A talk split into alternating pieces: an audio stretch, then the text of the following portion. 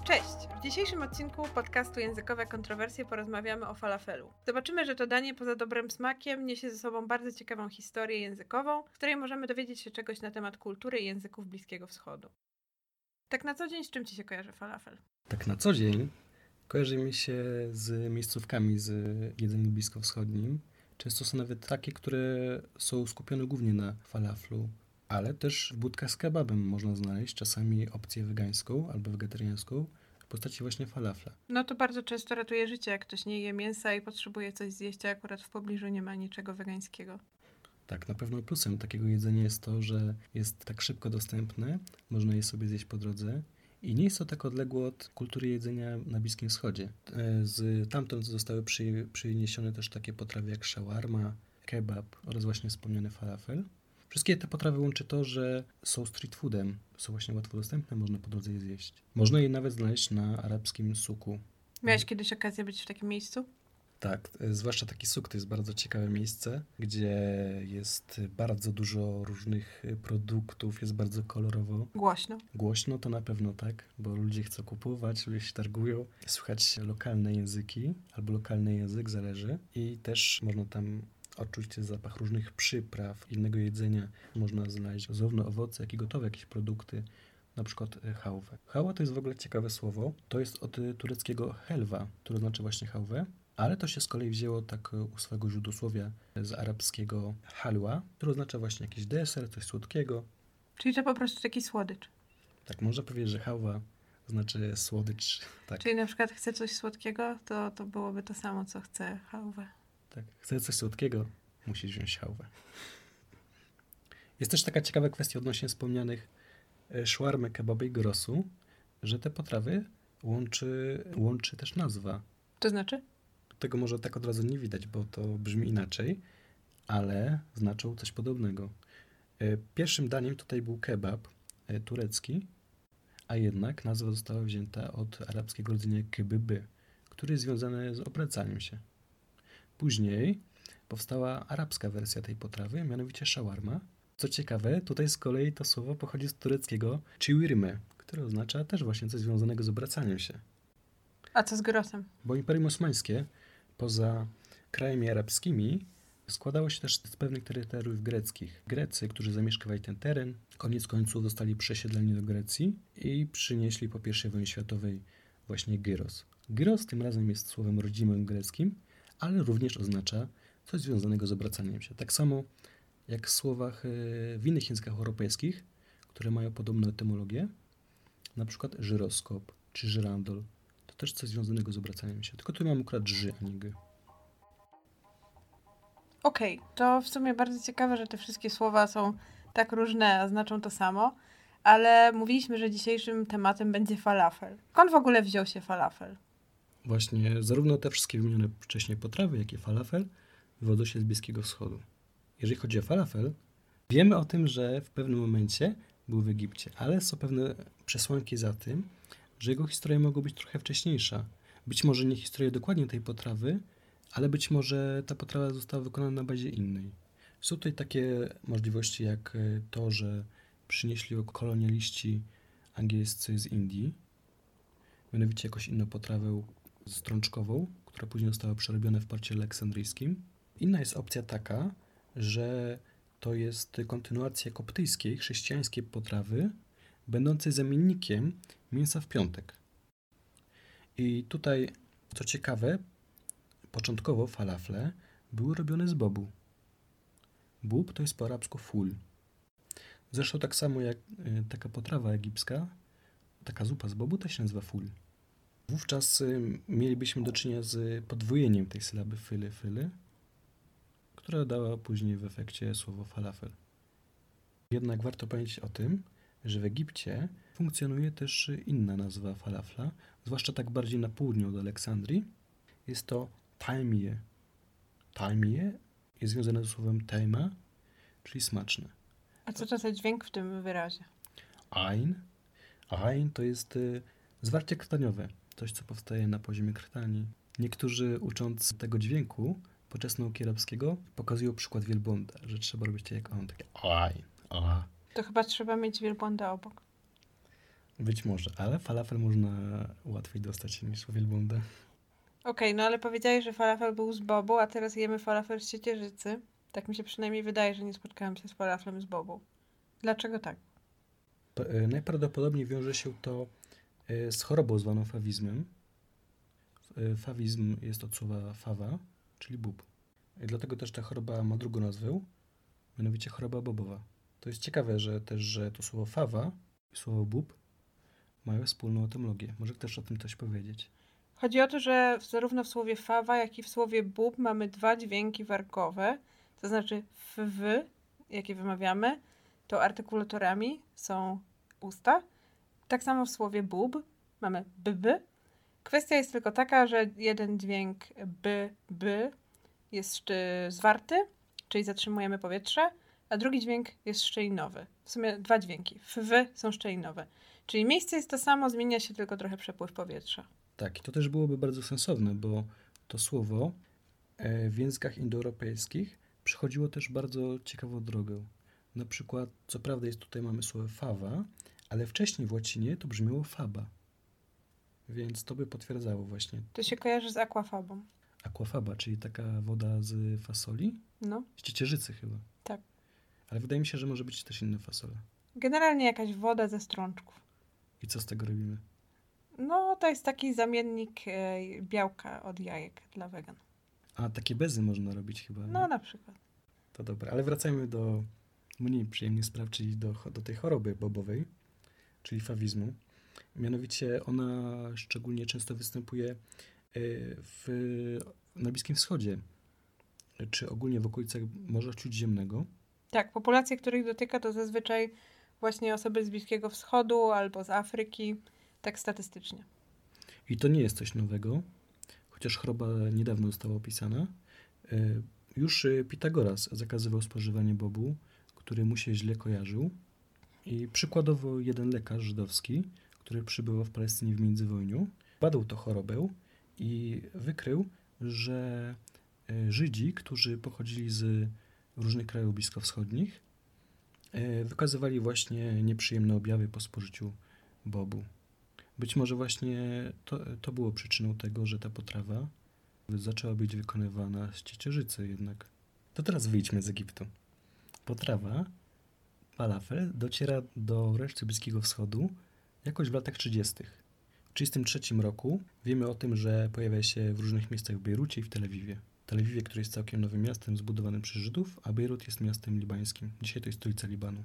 E, Do dzisiaj zresztą s- jest tak zwana wojna falaflowa.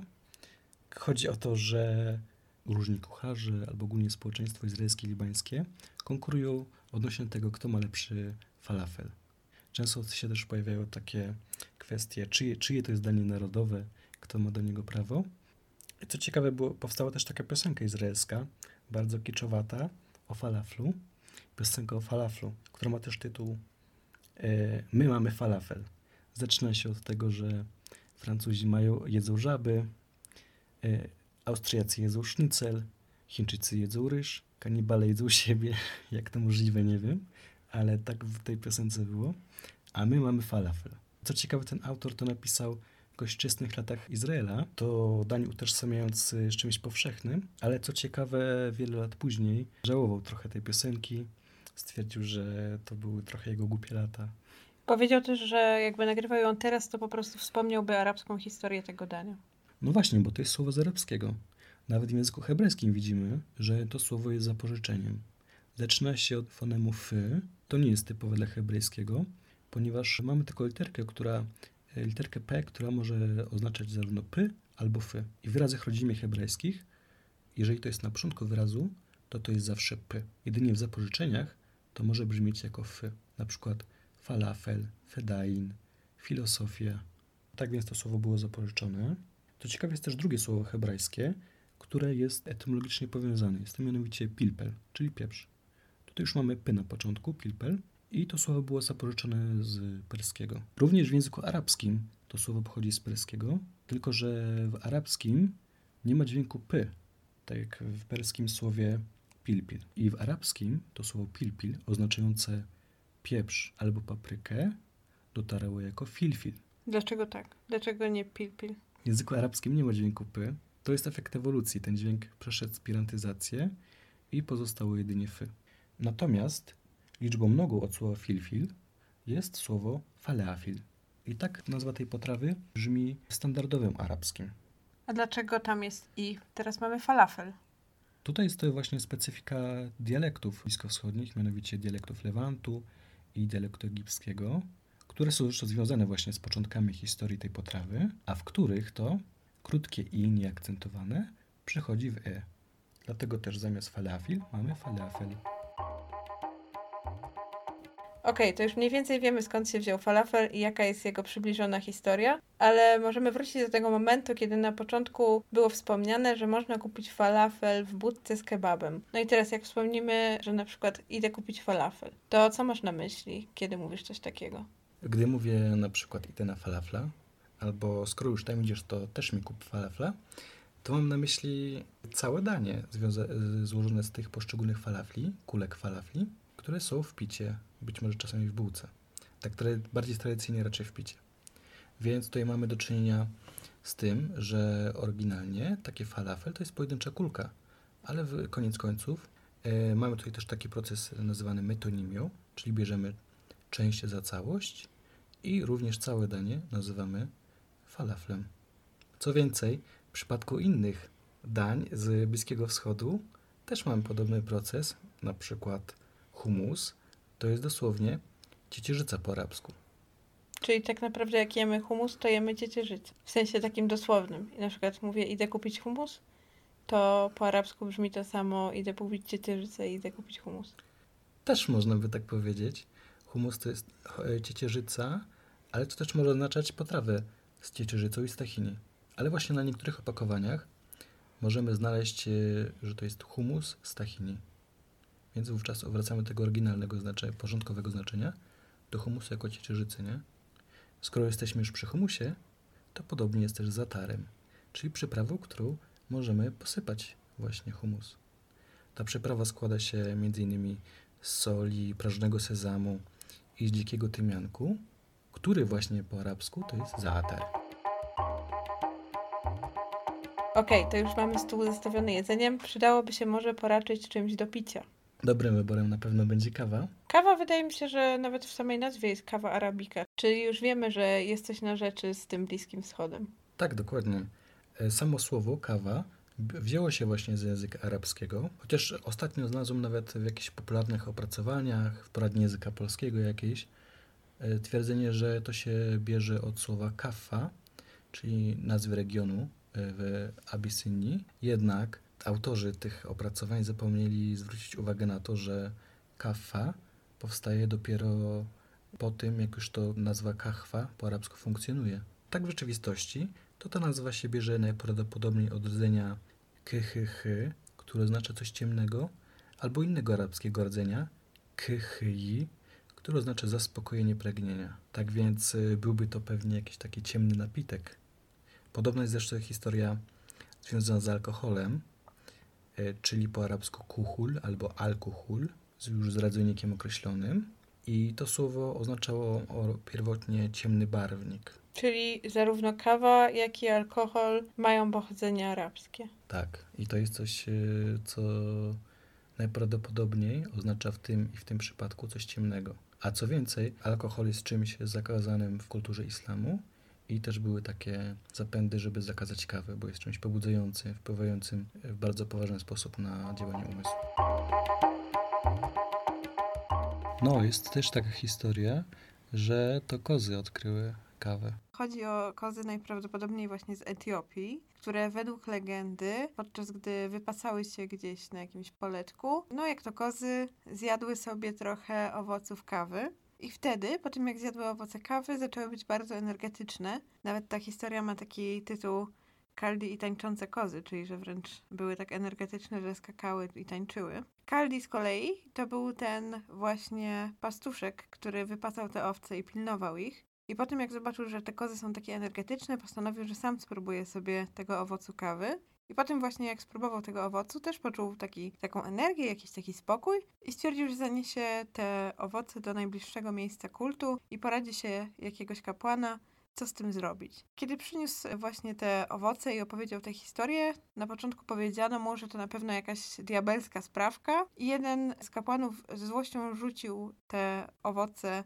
do ognia, po czym wokoło rozprzestrzenił się taki przyjemny zapach. Wtedy, e, żeby go zachować, poproszono o ciepłą wodę. Według tej legendy właśnie w ten sposób zaczęło się parzenie kawy, i właśnie w ten sposób odkryto jej właściwości, których stosowano też w miejscach kultu dla skupienia, dla poprawienia jakości modlitwy. Ta legenda jest lokowana albo w Etiopii, ale też jest druga wersja, która mówi, że to miało miejsce z kolei w Jemenie. I też później kawa była wykorzystywana przez e, jeden z odłamów islamu. Tak, mistycy suficcy wykorzystywali kawę, żeby się pobudzić i żeby w ten sposób wejść w odpowiedni stan do modlitw, do stanów mistycznych. Tak jak wcześniej wspominaliśmy, kawa była na równi z alkoholem traktowana w pewnym momencie. Zastanawiano się, czy jej nie zakazać.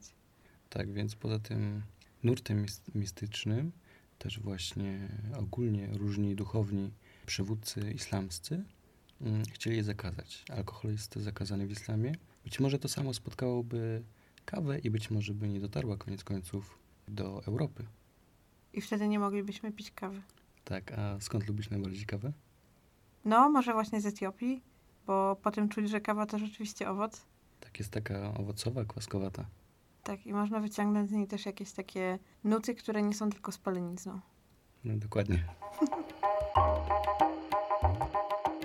No to wiemy już, że te słowa są z arabskiego, ale w Polsce na pewno mm, częściej możemy spotkać się z określeniem kawa po turecku, a nie kawa po arabsku. Ewentualnie jakaś tam włoska kawa. Dlaczego w takim razie nie ma u nas kawy po arabsku? Jest to związane z tym, że to były e, kraje pośredniczące e, w przekazywaniu takiego towaru, jakim jest kawa, do różnych innych krajów europejskich. Ale jeżeli chodzi o to kawę po arabsku, ona jest nawet wpisana na listę Światowego Dziedzictwa UNESCO Bliskiego Wschodu. Jest tam oznaczony jako symbol gościnności bliskowschodniej, jako coś tradycyjnego dla Arabów mieszkających na Bliskim Wschodzie. I jest tam też opisana, opisana procedura, w jaki sposób się to kawę przyrządza, jakie są związane z tym rytuały gościnności.